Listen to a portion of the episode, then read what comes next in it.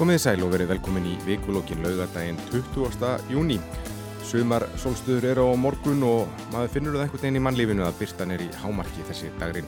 Við að fara yfir frettir vikunar að vanda í þættinum í dag og höfum þess vegna bóða þrjá gesti til okkar. Þetta eru þau Hildur Björnsdóttir, borgarfulltúi sjálfstæðisflokksins, Magnús Karl Magnússon, prófessor við Læknandelt Háskóla Íslands og Ingi Björg Há Sverrisdóttir sem var í vikunni kjörin formar félags eldri borgara í Reykjavík. Verið velkomin öll sumul. Takk fyrir. Um, Ingeborg, svo ég byrji á þér til lukku með nýja embættið. Hvað var til þess að þú auðsti fram til þessa starfa?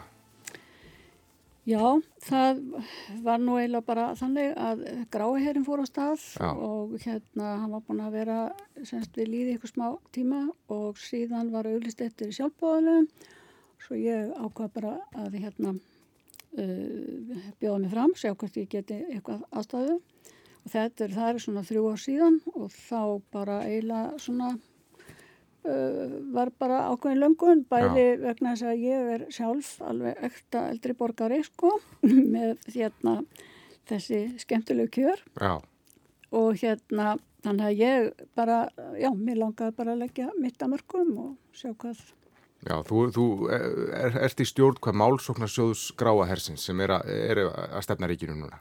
Já, og uh, ég hérna, emitt, ég er líka sjálf í málaferðlum við ríkið, við erum þrjú Já, einmitt, já, þú ert einn af þeim sem er bara Ég eina, e- ein af þremur. Já, einmitt. og hérna, og þannig að við erum þrjú með mismunandi sem sagt útgáfu sko. Mm, getur aðeins útskýrt fyrir okkur hvað, út á hvað gengur þessi stefna?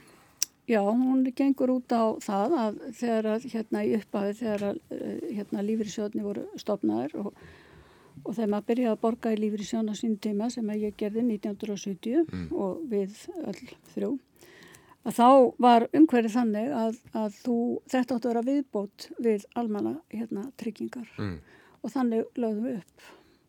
Og uh, það, út á það gengur þetta að, að, að það er verið að skerða almenna trygginga við okkur, almenna greiðslur og bara sem dæmi ef ég stilli mér upp við þann sem á ekkert í lífyrsjóði og hefur uh, sína tekið frá tryggingastofnun þá er ég til, með til viðbútar eitt þriðja af því sem ég er búin að leggja í minn lífyrsjóð. sko. Þannig að þú farið þessa grunn- grunnframfærslu og svo máttu hvað fá 100.000 krónur til viðbótar en allt umfram það að það er skert að þér. Já, sko, ég má vinna núna, það er eh, fyrir tveimur og hálfun síðan, þá hérna var það sett inn eftir baróttu og það er tvö og halvt ár síðan og það stendur enn 100.000 krónur, alveg sama þó að hérna kjörin hafi hækkað, það er það annarkort uh, þarftu að með þú vilt vera innan 100.000 króna markana, þá þarftu bara fækka vinnustundunum. Eða að ef þú verður fyrir 100.000 kallin þá hérna í, eins og í mínu tilfelli þá myndi ég uh, halda eftir 27% af því sem ég myndi vinna mér inn fram með þessi 100 skonar. Um, þetta verður vantalega á ottinum uh, já, bara hjá félagi eldriborgar í Reykjavík. Hvað, hver eru önnur svona áherslu mál hjá þér? Já, sko, eh, þetta gráahersmál er bara alveg sérdæmi. Já. Það er ekki inni í raun og veru hjá hérna, félageldri borgar Nei, nei, en já, við bara kæra mál eldriborgara. Já, en alveg öruglega þá verða hérna uh, kjaramálin líka tekin fyrir svo sannarlega sko því að hérna eins og í síðustu áramóta þá hækkuðu uh, sem sagt laun frá tryggingastofnunum 3,5% Mm og hérna uh, það heldur ekkit í við uh, aðrar launa, launahækkanir sko. Nei. og hérna og lífyrirsjóðum minn, ég er nú reyndar í fjórum lífyrirsjóðum en hækkunin á milli ára þar það náði ekki þreymur bróstum sko. Mm, þannig að hérna, mér minnir að sé 2,8% þannig að. Uh, Magnús Karl, þið hjónin, þið fóruð á bestastæði vikunni sem ég ímynda mér að hafi verið hápunktur vikunar þar sem eiginkona einn Ella Katrín Guðmundsdóttir var sæmt fálkaorðu fyrir störf á opinbyrjum vettvangi og framlag til opinskarar umræðu um al- Alzheimer uh, sjúkdómin. Þetta, þetta hefur nú vantalega verið ánægilegu dagur. Heldur betur. Ég eh, fyrirlutu vikunar fór í það að get ekki sagt neinum frá því Já. og síðan kom Stagóni Stóri sem var einstaklega skemmtilegur og gaman að koma bestaði og uh, fallegur hópur og, og, og fórsetta hjónin náttúrulega tóku vel á móti þessum góða hóp og ég náttúrulega hef oft verið stoltur á konunni en sjaldan jafn mikið á þennan dag Já, og síðan hefur setni hlutin farið í það að segja öllum frá því að Já. ég hef verið á besta stöðum og, og uh, ég er náttúrulega bara laskablánaður og, og stoltur á koninni. Já, Hildur átt þú svona augljósan hápunktinn frá Ingiberg og, og Magnús? Já, ég kannski byrja á að óska þeim báðum til hamingjum með þeirra hápunta í vikunni, alveg frábær árangur hjá frúni, þinni og, og þér Ingibjörg. Eh, ætli minn hábúndur sé ekki bara sannilega sá sem að miðjubarni mitt uh, útskrifaðist úr leikskóla hmm, það er nú ekkert sérstaklega afreg en það er svona ákveðum tímamót og foreldrar verða alltaf svolítið meirir þegar að börnun þeirra sem mann finnst hafa eitthvað nefn fæst ekki er eru að fara svona að færa sig upp á annað stegi á lísleðinni þannig að það var bara óvað skemmtileg stund. Já, um, við skulum vinda okkur bara yfir í frettir vikunar á mánudag þá kannski var þessi stóri áfangi annar sem við vorum að býða eftir að þá hófur skimanir við, við landamærin sínatökur, fólk sem kemur til landsins það þarf að fara í sínatöku og, og fær svo tilkynningu sam, samdagur sem hvort að hafi greins við smit eða ekki og þetta er ekki óumdilt, það kom hópur manna til landsins í síðustu viku áður en þetta svona sínatökurnar hófust sem var grunnaður um að alltaf taka þátt í skipulaðri glæpastarsemi, þar voru tveir smittar í hópnum, hópur lauruglumanna þar að í sótt hví tveir smittaðir og, og svo hafa verið að greinast einstakar smitt bara með öðrum komu farþegum. Magnús Karl Já, hvernig, bara sem lækni, hvernig finnst þér þetta fara á stað? Ég, ég eh, það var alltaf vissulega ákaflega óhefnilegt að þetta dæmi kom upp í síðustu viku en ég held að skiptimáli, það er algjörlega ó, ótengt þessu Já. máli að opna eh, eða sem sagt taka upp það nýju skimun.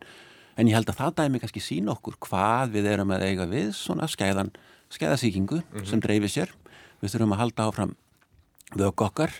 Um, ég held að það er, er umdilt hvernig við stöndum að þessu núna en ég held samt sko að rauðu þráðurinn er svo sami og hefur verið beitt hinga til að það er að segja að vera með mikla skimun í gangi, reyna að greina snemma, setja fólk í sótkví og uh, hérna e, og takmarka þannig að síkingin berist út í samfélagi og það reynst okkur vel, ég held að e, núna þegar við erum komin að þessu tímamótum að taka þetta skref þá séum við að beita sömu aðferðarfræði þannig að ég vonast til að það gangi vel en ég held að aðalatriði sé að e, meðan við erum að fylgjast með þá höfum við gögn til þess að snúa við mm.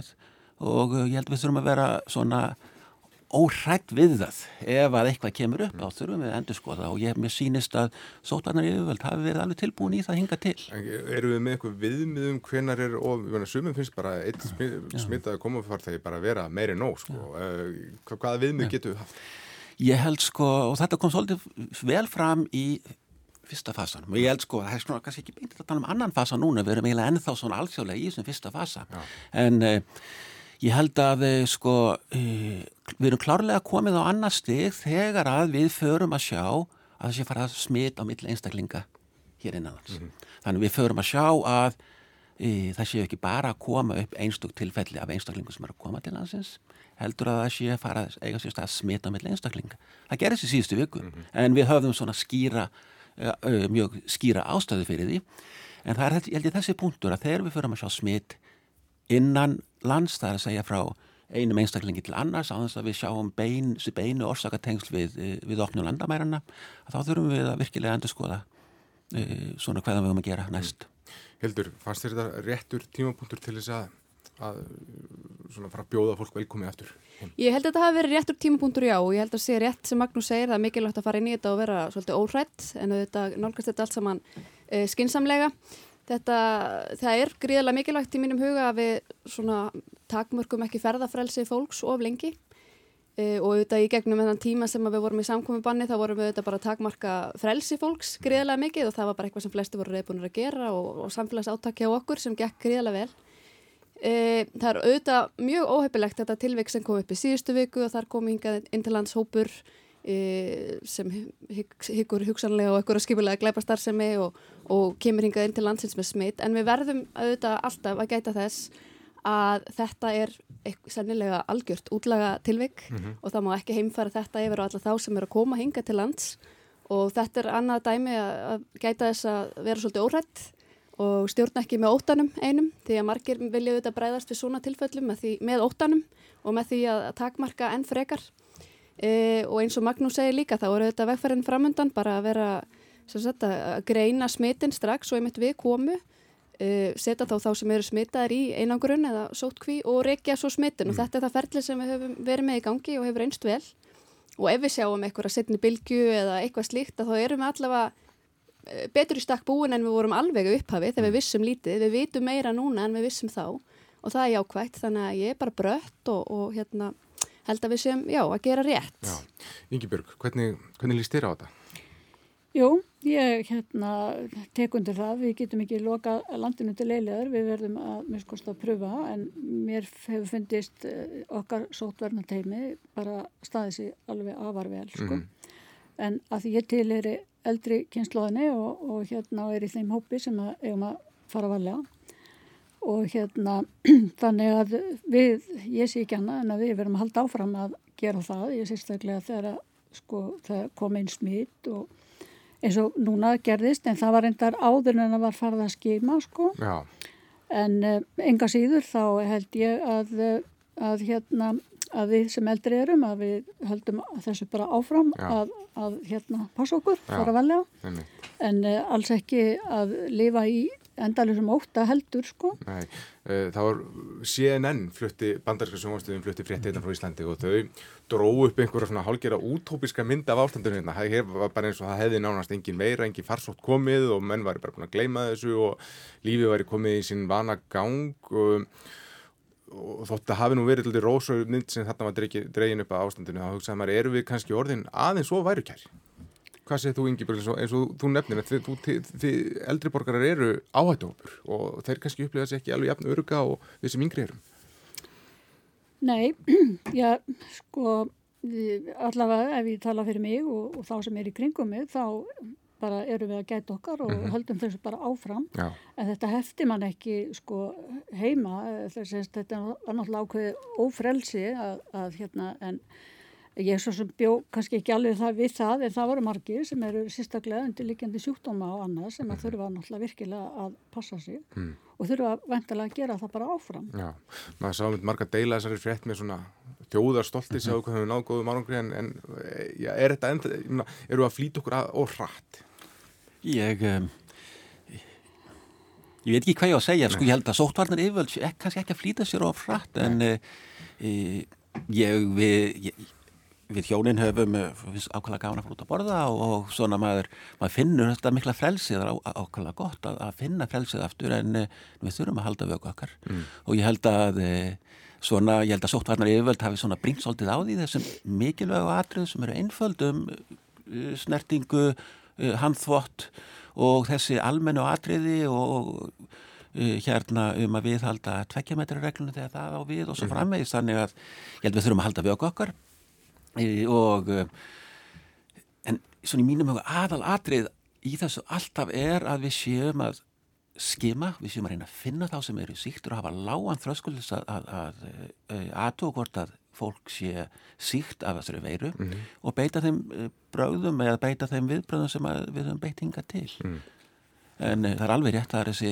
þessi, það er einföldur reglur sem sennilega að skilja okkur miklu meir en við okkur grunar. Mm.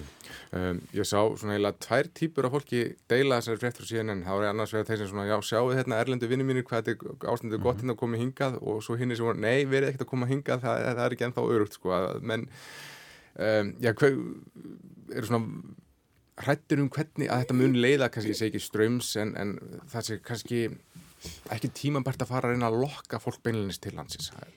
Já, þetta horfur einmitt þannig við mér að þetta eigi sér svolítið tvær liðar, þessu umfjöllun.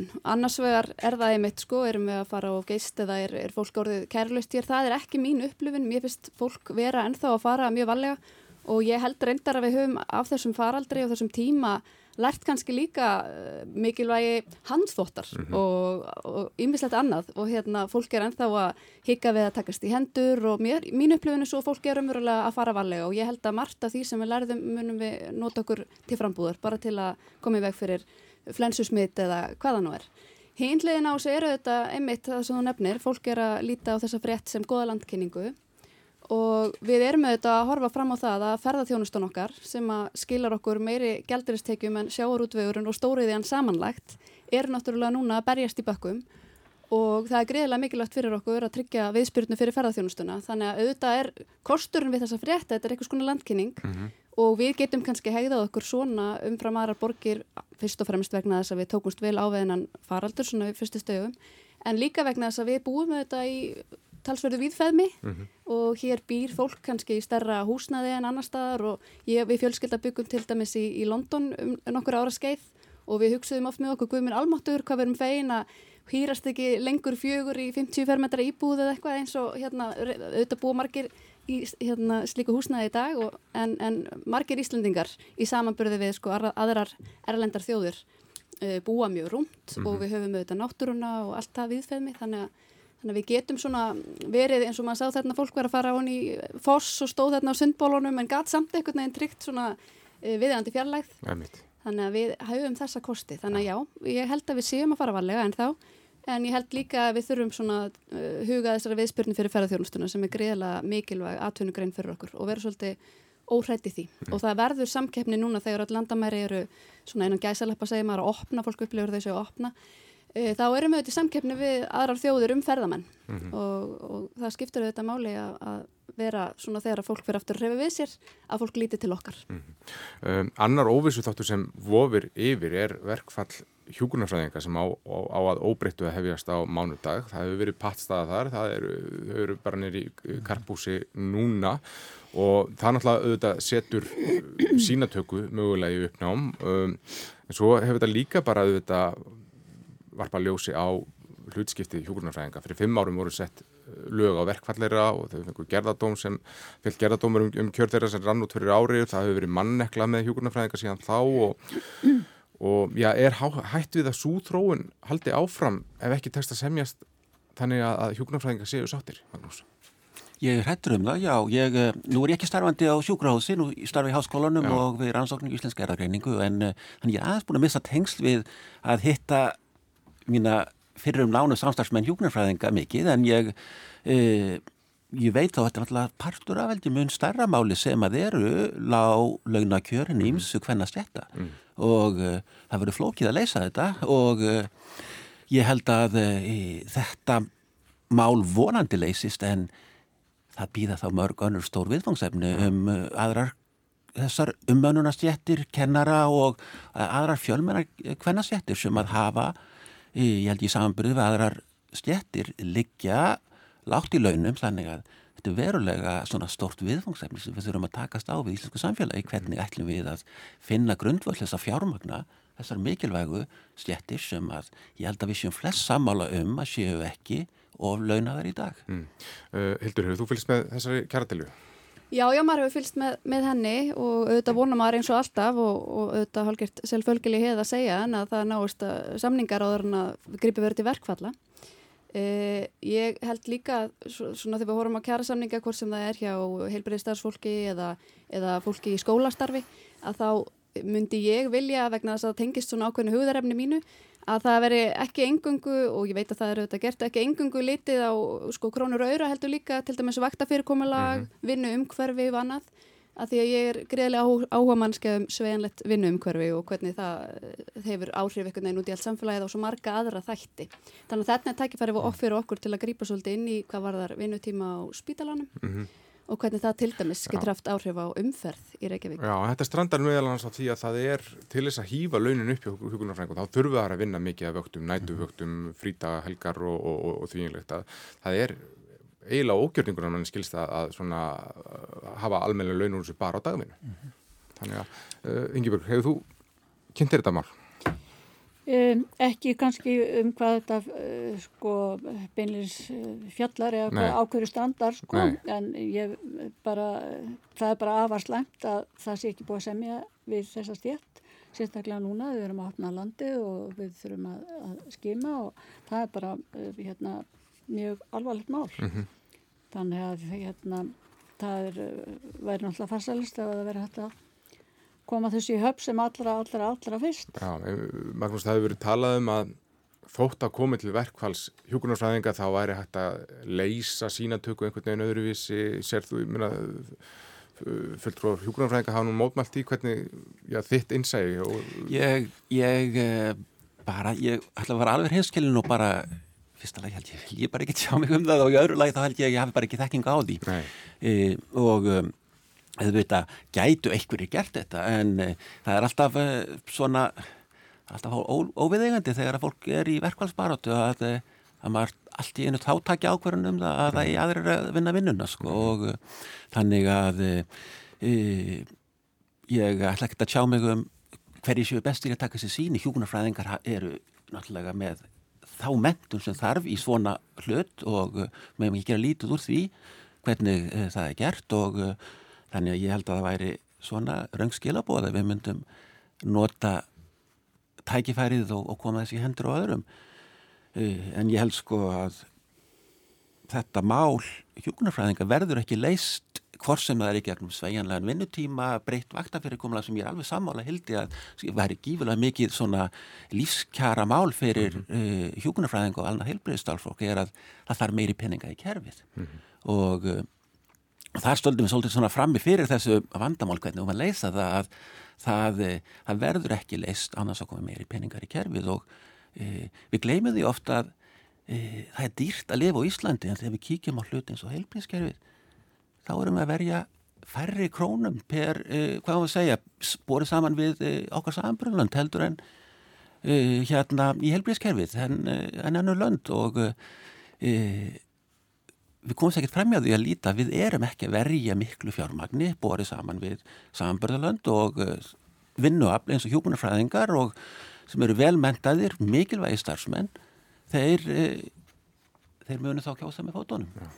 Uh, Hildur að þú myndist á sveianleikan, þá hafa nú samgöngumál verið nokkuð til umræðu í vikunni. Það hefur verið að takast á um samgöngu átlun á þingi, bara í þessum töluðum orðum held ég, held að miðflokkurinn sé búin að raða sér þar í, í, í pontu.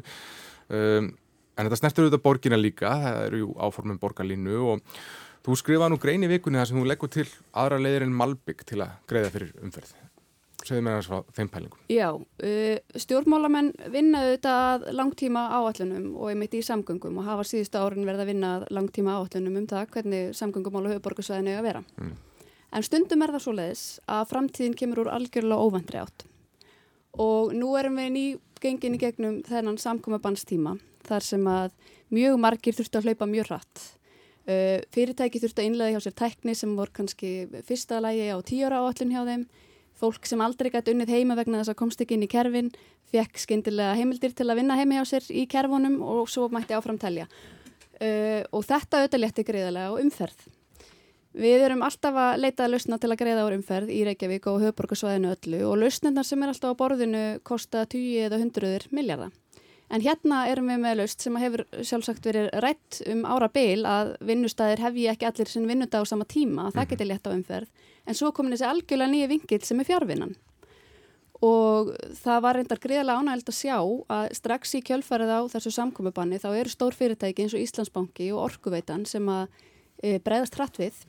Þau framkvæmdu mælingar meðal starfsfólks sem síndu að flestir vildu fá einhverja fjárvinnudaga í viku Uh, þetta hérna, dró ekki úr afkastum jók þau jafnvel í einhvern tilfellum starfsánægja jógst og eins og Íslandsbanki greindi frá að þau álitu að þetta skilaði jafnvel betri rekstra neðstöðu mm.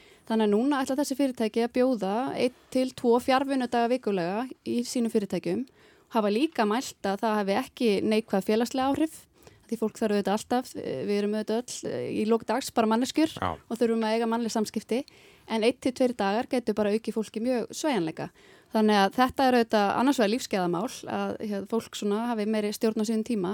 En svo held ég að þetta sé bara ódýrasta og skjótvirkasta lausnin sem við höfum til að leysa samgönguvandan og finnst svona svolítið, ég sakna þess í umræðum á þinginu um samgönguáallun að það sé ennþá verið að ræða öll þessi gömlu áform sem mörg eru bara ennþá auðvitað góð og gild en það sé engin einhvern veginn að opna augun fyrir því að það er eitthvað hérna bara alveg í fingugómunum á okkur, eitthvað mhm. nýreynsla sem reyndist svona vel og fólk er jákvæmt fyrir og við verðum svolítið að grýpa þann bolta núna því fólk er gæmt líka að eh, ef við sko gerum það ekki núna strax að þá fari allt einhvern veginn svolítið aftur í saman farið mm.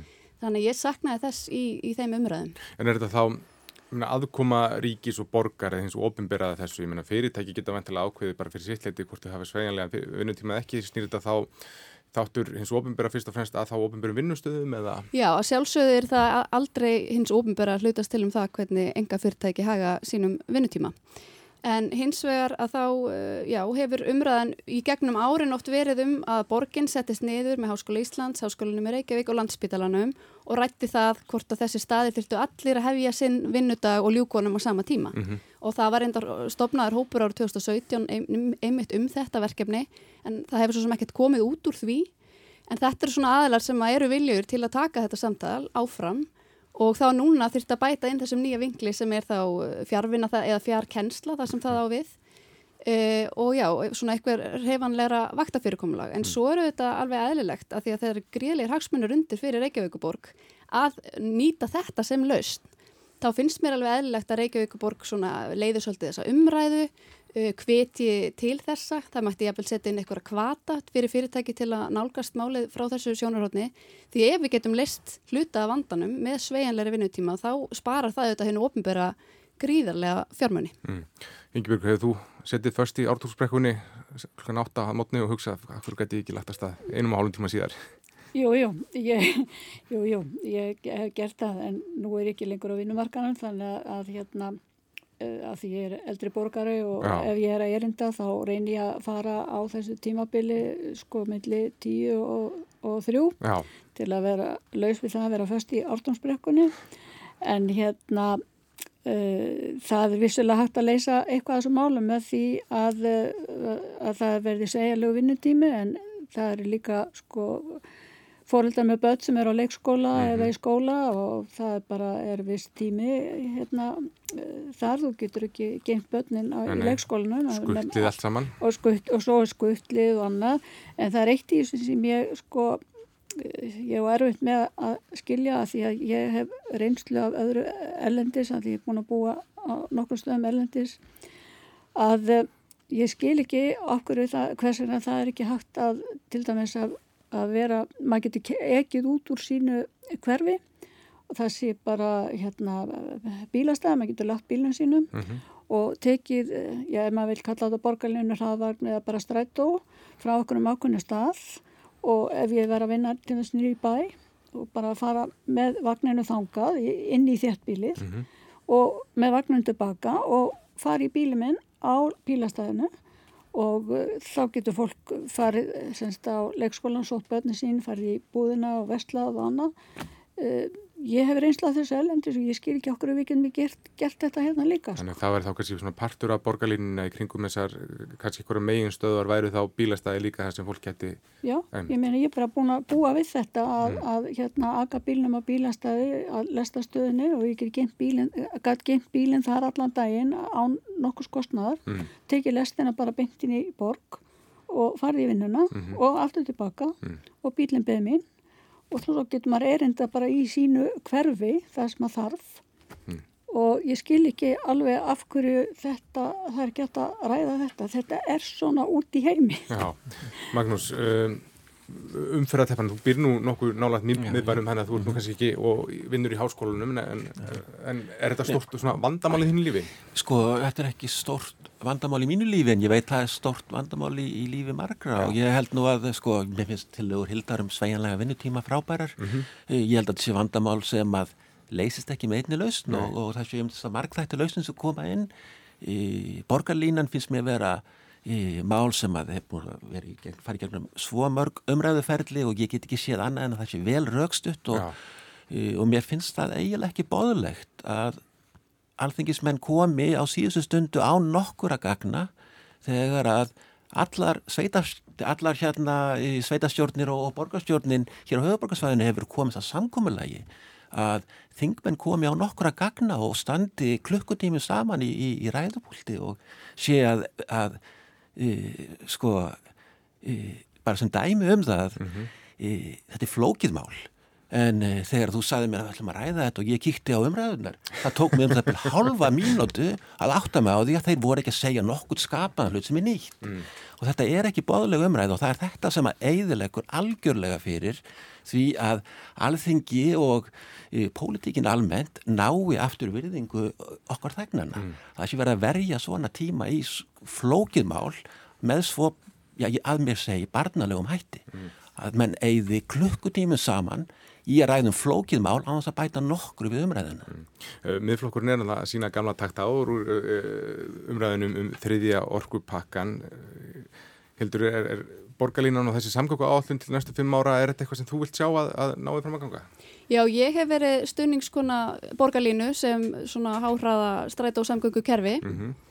Uh, og ég tek undir með Yngibörgu það má sannlega finna flöt á því máli að þeir sem að vilja geta lagt bílnum sínum nær kjarnastöðum borgarlínu og tekið svo borgarlínu neyri bæ það getur bara verið virkilega sniðugt og mikilvægt. Mm -hmm. vegna þess að eins og framhefur komið þá eru þetta samgönguvandi fyrst og fremst á tveimur tímum á daginn. Það er svona á modnana og svo aftur síðdeis og þá skiptir það mestu máli að að hvernig við erum að ferðast á þessum háana tíma. Mm -hmm. Það er það sem að mun draga á umferðaráleg og svo getur fólk einhvern veginn hagað sínum álum öðruvísi þegar að, hvað ég segja, álagspunktarnir eru ekki til staðar. E, Samgöngumálun eru þetta gríðala flókin og þau eru alltaf til umræðu og mjög vinsælt þrætuepli.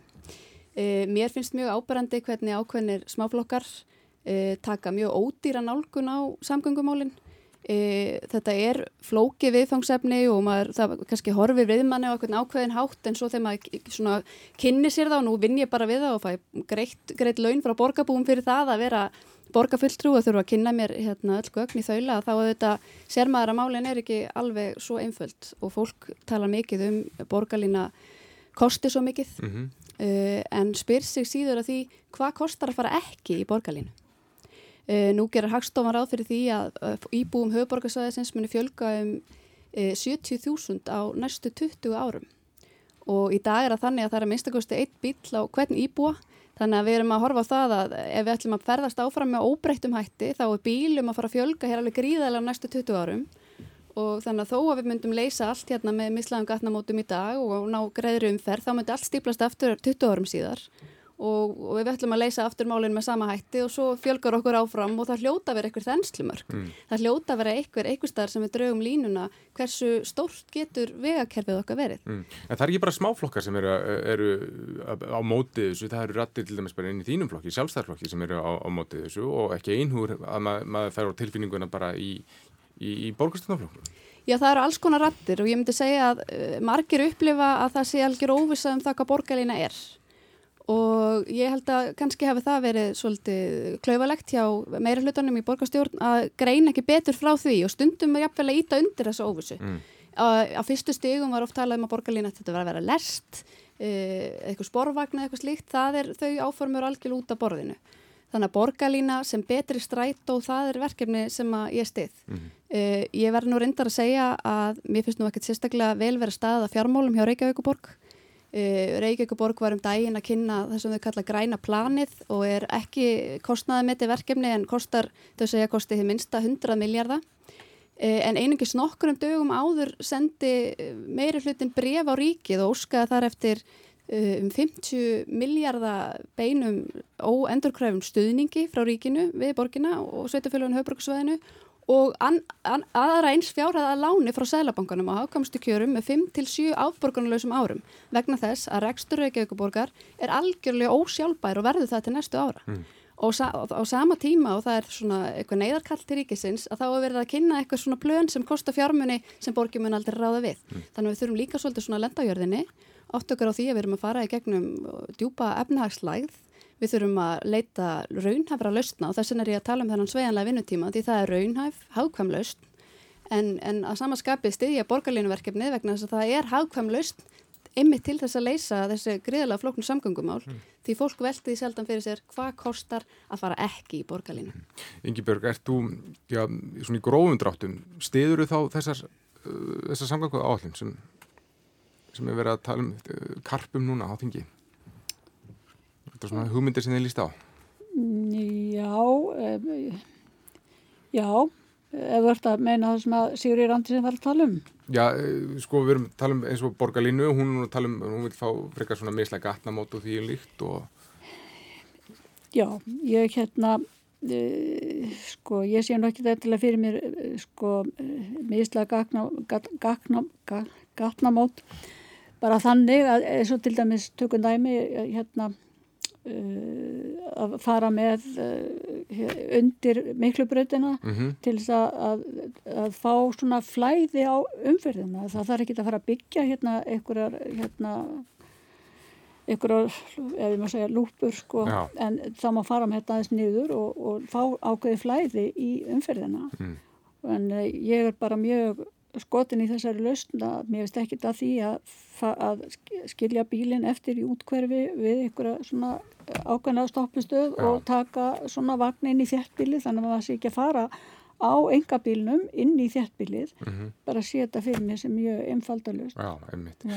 Um, ef þeir eru að koma að viðtækinu þá eru það að hlusta á vikulógin. Gesti mínir eru Ingi Björg Hásærisdóttir, Hildur Björnsdóttir og Magnús Karl Magnússon. Um, þessu svona tengt, það er að segja samgöngunum og, og, og, og göngum heldur heldur, það er hérna 17. júni síðallin þá, þá væktið aðtekli þegar nokkri kaup með lögaveginn, þeir mótmæltu sé, lókun á, á hluta lögavegar fyrir, fyrir bílaðumferðin þetta svarta ruslapoka út í, út í um, glugga og lókuðu lókuðu búin, búinum sínum um, og þeir segja að, að, að þessar, þessar takmarkanir á bílaðum þeir sé bara hreinlega að uh, bara gera út af viðskiptinu þetta svona, hefur verið lengi í gangi og hefur enn ekki tekist einhvern veginn svona að lenda með einhverja laustanda sem allir eru sáttu við. Hvað, Magnús, hvernig, hvernig fannst þér? Já, við hjónin löpum svona næstum dælega lögavegin og e, mér finnst þetta svolítið sérstök mótmæli, auðveit, ég skil að, að sko vestlunamenn vilja sko að e, góða samvinni við borgarífuvöld og svo framvegi sem mér eins og málinn lítast svolítið við mér er að ég held að sé mikil tókstreita á milli rekstra ræðala á laugaveginum. Það er stór hluti þeirra, eða ég veit ekki hversu stóri það er allavega e, verlu hluti sem sennilega er ánaði með það að breyta -hmm. götinni en síðan eru aðri sem er óanaði með það. Þannig ég held að þetta endur speiklið svona talsverða tókstreitu með rekstra ræðala á laugaveginum e, því að ég sé fyrir mér að það hljóti að vera hagsmunir þeirra sem uh, svona, hvað maður segja trýstings aðala í þessu máli að þeir myndu standa saman og vinna með borginni í því að finna bestu lausnuna fyrir, fyrir veslun sem er mikilvæg veslun og þjónusta við lögavegin algjörlega krítisk fyrir þessa lífæði í, í miðborginni. En mér sýnist þetta vera sko endurspegla eitthvað dýpri tókstreiti sem að getur verið að sjá milli þeirra sem að kannski eh, er að upplifa breytingar og -hmm. kannski rekstur þeirra kannski fellur ekki alveg að þeirri breytingu sem er að verða borginni og uh, það er erfitt svolítið að, að standa í þeim spórum uh, þannig að mér fannst þetta að vera svona, þetta heldur ekki gott svona, hvað maður segja, PR move mm. sko að vera stöðugt að, að tala niður umhverfið þar sem þú ert með rekstur og, og þannig að mér finnst þetta svona leiðilegt að horfa upp á þetta og ég skil ekki alveg hver svona langtíma markmiðin eru. Mm. Hildur, er þessi lókun eða þessar takmarkanir á, á bílaumfyrir, eru þær vandamál fyrir reksturinn á lögavi? Ég held að sé eins og Magnús segir að séu ólíka rattir í þessu. Það hefur ákveðin hópur verið mun hávarar en aðrir og það er þeir sem eru á móti. Það er annar hópur sem að stiður þetta göngugötu umhverfi mjög ákvæft og svo finnum maður líka að það er stór hluti rekstraðala sem er bara svolítið sama en lang flestir er á þeirri skoðun að það þarf að hætta þessari neikvæðu umræðu um laugavegin að miðborgin sé döð og þar sé ekkert að finna því það er alramt. Mm -hmm og ég hef alltaf ákveðið að ég ætla að standa með miðborginni, ég stend með fólki sem er í rekstri, þetta er fullt af fólki sem er að verða fyrir barðinu og þessari neikvæðu umræðu sem er ung, ég segi það sjálf, ég fyrir líkum löguveginn hvern einasta dag, þánga segi ég nær alla mína vestlun og þjónustu. Og það er rosalega margt sem hendar mér og, og, og svona fólki eins og mér Uh, auðvitað reynir maður að sína því skilning þegar að hérna, fólki, svona fólki gengur erfiðarlega í sínum rekstri og er að reyna að finna á því einhverjar skýringar. Mér finnst til dæmis auðvitað algjör synd að, að missa mál og menningu af lögaveginum. Á margar skemmtilegar og góðar minningar þaðan. En mér fannst svona svolítið ótir nálgun að, að líta svo á að það veri engungu vegna gungugatna. Uh, nú hafa til dæmis ekki verið gungugutur fram hjá máli og menningu um sex mánadaskeið áður en að búðin ákveður að loka. Það er samkeppnisaðilega á næsta hotni, fastegnaskattar og atvinnuhúsnæði eru gríðlega háir, það hafa verið erfiðar framkvæmdir í miðborginni, e, netverslun eru að aukast, fólki farða að lusta á hljóðbækur og, og nota rafbækur. Og það er allskinn skýringar. Mm. Hér er engi ferðamenn og, og fyrsta hæðina mála menningu var svona mikil ferðamannabúð, þannig að það eru auðvitað allskinn skýringar en, en mörgir svona eiga til að grípi þessa skýringu mm. og, og mér finnst það svolítið svona leiðileg nálgun, e, en mér svona, ég hef svolítið Sko, þetta er eitt af fyrstu málunum sem var sett á dagskara borgarstjórnar og nýju kjörtímbili og ég hef stutt það frá upphafi að gangandi fólk fá meira pláss í með borginni og ég reyndar er þeirra skoðunar að fólk eigi bara allstæðar að fá mikið pláss í borginni, því borginni fyrir fólk. En ég hefði aldrei gett að gert mér í hugulund að þetta erði að svona stóru máli. Og þarna erum við aftur alveg svo þegar við tölum um samgöngumálun áðan að þá eru þarna litlir hópar sem eru kannski ekkert með neitt sérstaklega stórt eða ríkt erindi e, og brenna kannski greinilega ekki fyrir neitt sérstaklega margt að þeir grýpa engungu í þetta og tala engungu um þetta og mér finnst vond að núna aftur, ég er alltaf að tala um þessa þennan erfiða tíma sem að horfir og blasir við íslensku samfélagi að þá sé það eina sem heyrist frá borgarstjórn eitthvað umræða um 400 metra kabla á lögaveginum, mm. hvort það er að vera í forgangi gangandi eða akandi mm. uh, Ingi Björg kaupmenn lögaveg sem er á móti já, vilja öllu heldur greiðar í bílaumferð við, við göttuna, þeir segju ofta að viðskiptað mínu vinnir, þetta er miklu liti eldri borgarar og, og þeir eru erfitt með að komast inn eins og að, aðstæðan núna. Þú, hvað segir þú? Er, er, er, er lögavegurinn óaðgengilegur fyrir, fyrir eldri, eldra, eldra fólk? Já, já, sko þeir segja mér það, þeir sem eru erindan nýri bæ sem að, hérna, er svo til dæmis að taka hérna, almennisvagna mm.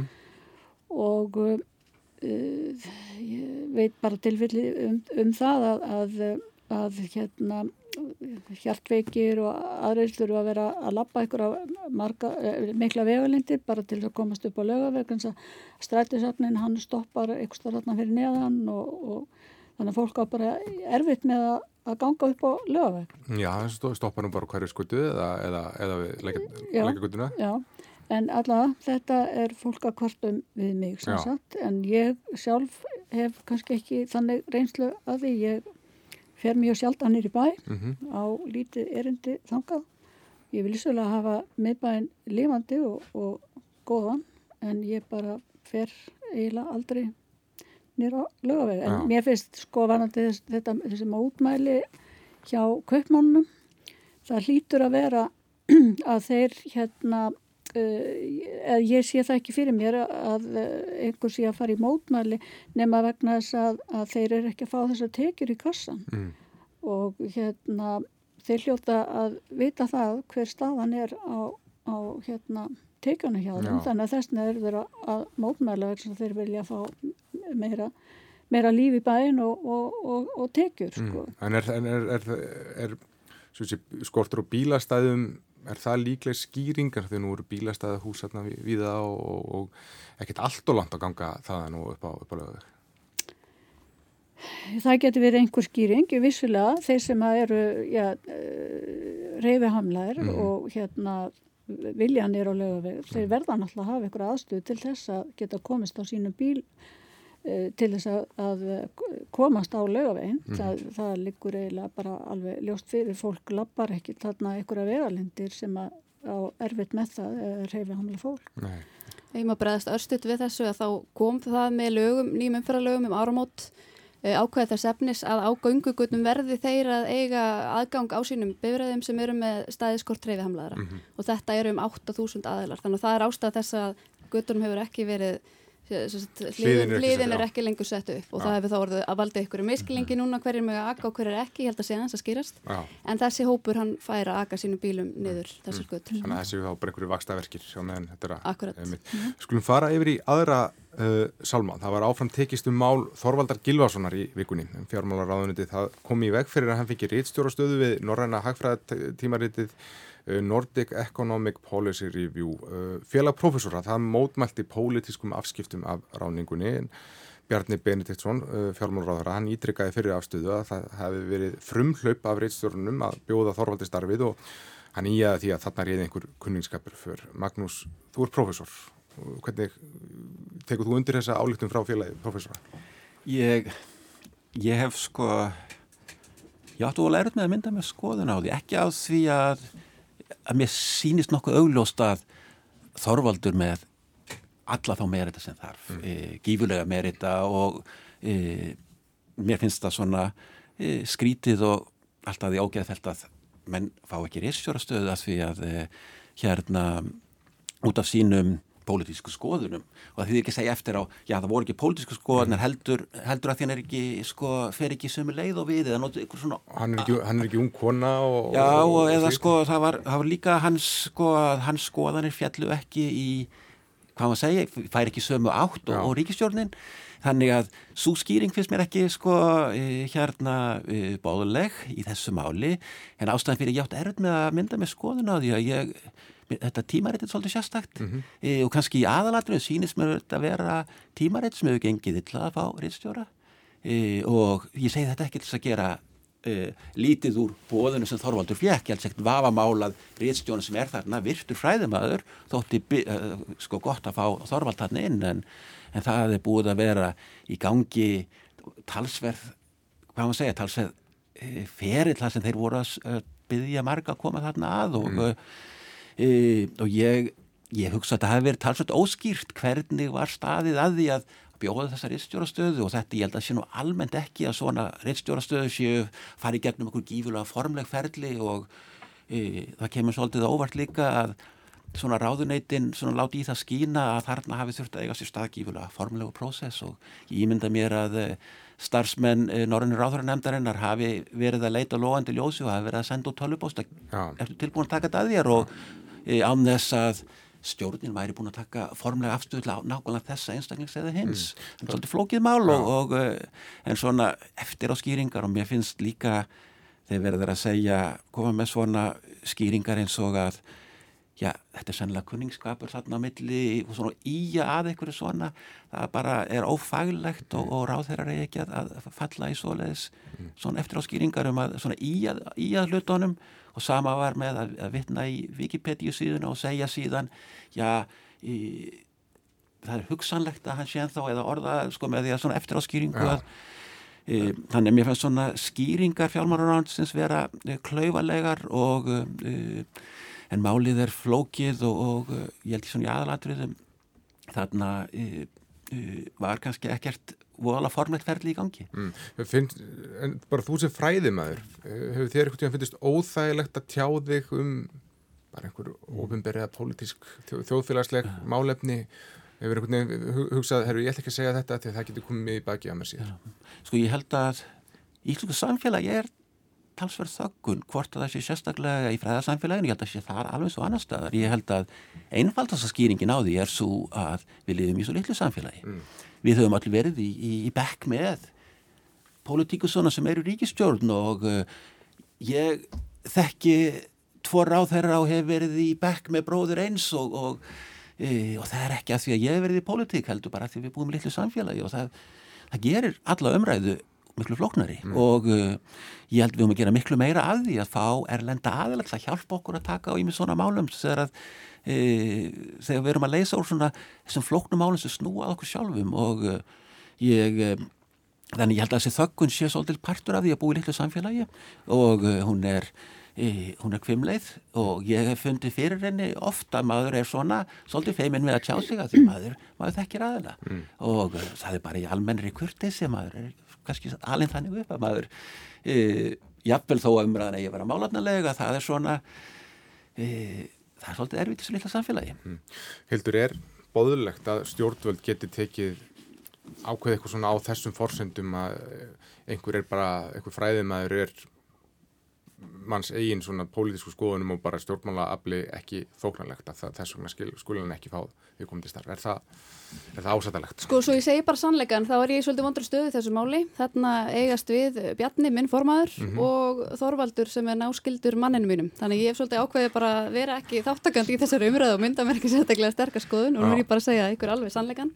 Eh, en mér þykir hins vegar leitt hvað þetta mál hefur fengið óbáðslega mikið pláss í íslenskri samfélagsumræðu núna þegar það eru svo mörg krefjandi og stór verkefni sem ég myndi vilja svona, að fengi meira pláss hjá til dæmis stjórnarandstöðu flokkunum. En, en já, það má alveg færa rauk fyrir því að þetta sé stórt mál, ég menna Gauti B. Eggersson hagfræðingur, hann, hann sagði það að þetta væri svo stórt mála því að það væri svo lítið í sjálfu sér sko, að það síndi svona eh, veitti insinn inn í einhverja bara djúbstæða meinsemd og þess vegna þurfti að ræða það, þannig að Já, það er alveg sjónamið, það er alveg sjónamið, en ég er svona aðalega vísa til þess til dæmis bara hvaða lausnir ætlum að höfum við á þeim mandamálum sem að samfélagi stendur frammi fyrir vegna þessa faraldurs, mm. atvinnuleysi sem blasir við, eða þungt haust framöndan og annað.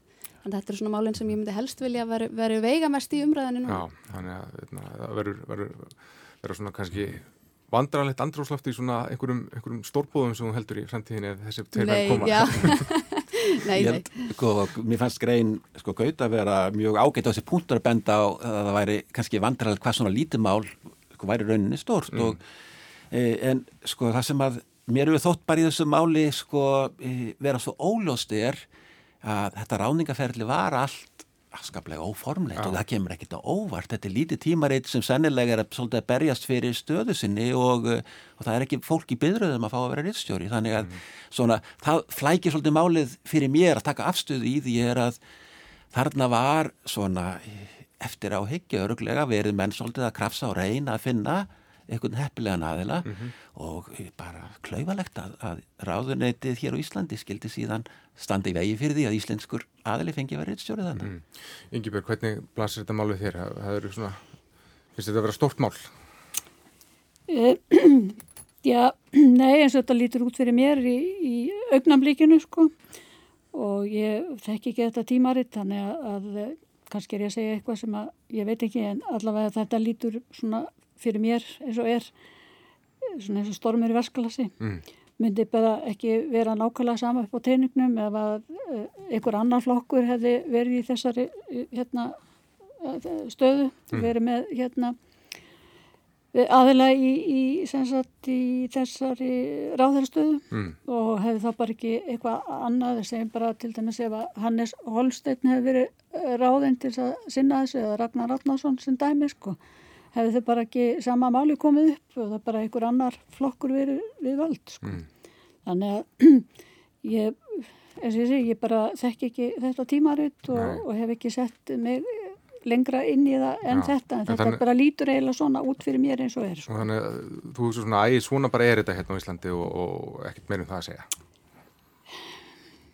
Nei, það á náttúrulega kannski ekki að vera þannig sko en þetta er eitt af svona þessu pólitísku hérna ágrinnsmálum eins og það lítur út fyrir mér öfnambleikinu sko. Mm -hmm. það getur vel að ég komið, komist eitthvað annar en niðurstöðu ef ég myndi leggja mig í líma við að fara á bólakóa en svona yfirborslega þá lítur það svona út. Það kallar ekki það mikið á því að þú sést að fara, fara að gera nei, það er ég. nei, en um, eitt mál það kom fram í gær og ég hafði nú ekki minnst á það við ykkur þegar ég var að uh, uh, baða ykkur um að koma til þess að undirbú ykkur en mér finnst samt rétt að nefna Eh, það var sagt frá því í gæra íbúðum í byggingu höfur fækkað mjög mikið á milli ára. Engum íbúðum á fyrstu byggingastegum, ég held að þeim að það fækkað um 42% og húsnæðis og mannverkjastofnun varar við frambóðskortið fram heldur sem horfir og það geti leitt til verðhækana.